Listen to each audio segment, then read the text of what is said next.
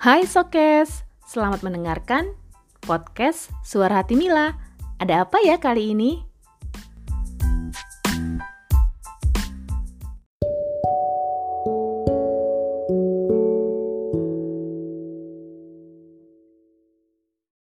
Hai Sobat Podcast, apa kabarnya nih Sokes-sokes kesayangan? Masih setia kan dengerin podcast Suara Hati Mila? Apalagi di antara PPKM ini. PPKM darurat yang buat kita jadi makhluk rebahan di rumah aja.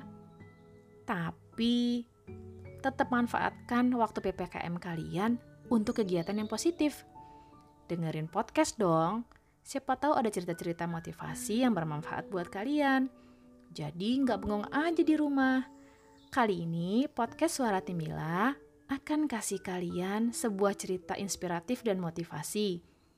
Cerita ini Mila ambil dari inspirasi pribadi di www.freebody.wordpress.com.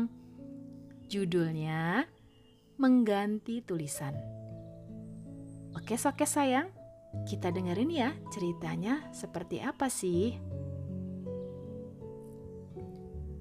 Seorang anak buta duduk bersila di depan pintu masuk sebuah supermarket, mengharapkan belas kasihan para pengunjung yang berlalu lalang di depannya. Sebuah kaleng bekas berdiri tegak di depannya, berisi hanya beberapa keping uang receh di dalamnya. Kedua tangan anak tersebut memegang sebuah papan yang bertuliskan, "Saya buta, kasihanilah saya."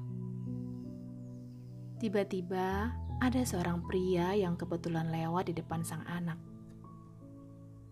Ia merogoh sakunya, mengeluarkan beberapa keping uang receh, lalu memasukkannya ke kaleng anak itu. Sejenak, sang pria memandang dan memperhatikan tulisan yang terpampang pada papan. Seperti sedang memikirkan sesuatu, dahinya mulai bergerak-gerak. Lalu, sang pria meminta papan tersebut membaliknya dan menuliskan beberapa kata di atasnya. Sambil tersenyum, ia mengembalikan papan itu, lalu pergi meninggalkan sang anak.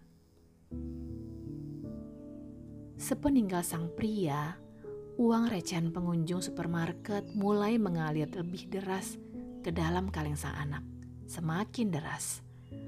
Bahkan kurang dari satu jam, sudah hampir penuh. Sebuah rezeki yang luar biasa baginya untuk hari itu. Beberapa waktu kemudian, Sang pria kembali lagi, lalu menyapa anak tersebut. Sang anak berterima kasih kepadanya, lalu menanyakan apa yang ditulis sang pria di papan miliknya. Sang pria menjawab, "Saya menulis hari yang sangat indah, tetapi saya tidak bisa melihatnya."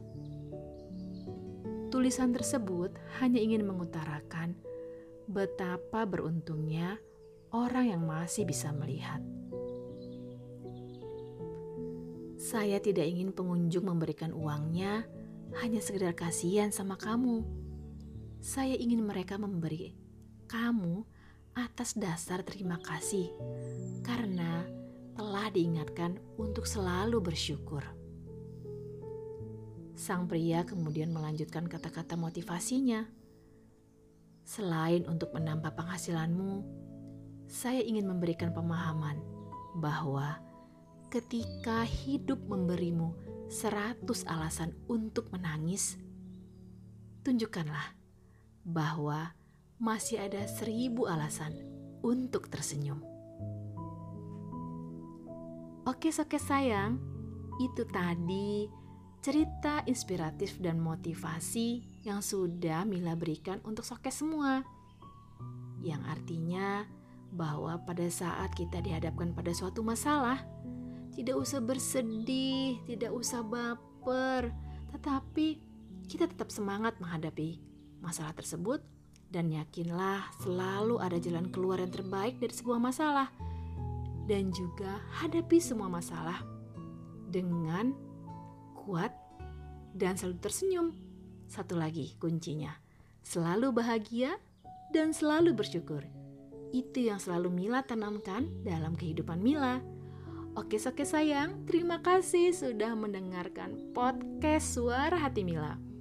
Tunggu ya, lain kali Mila akan cerita lagi, cerita-cerita inspiratif dan motivasi lainnya. Salam sayang selalu dari Mila.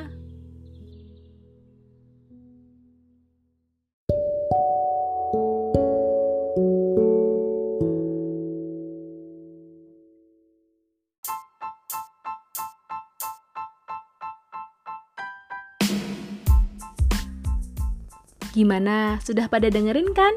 Suara hati Mila? Terus dengerin podcastku dan nantikan cerita selanjutnya. Salam sayang selalu.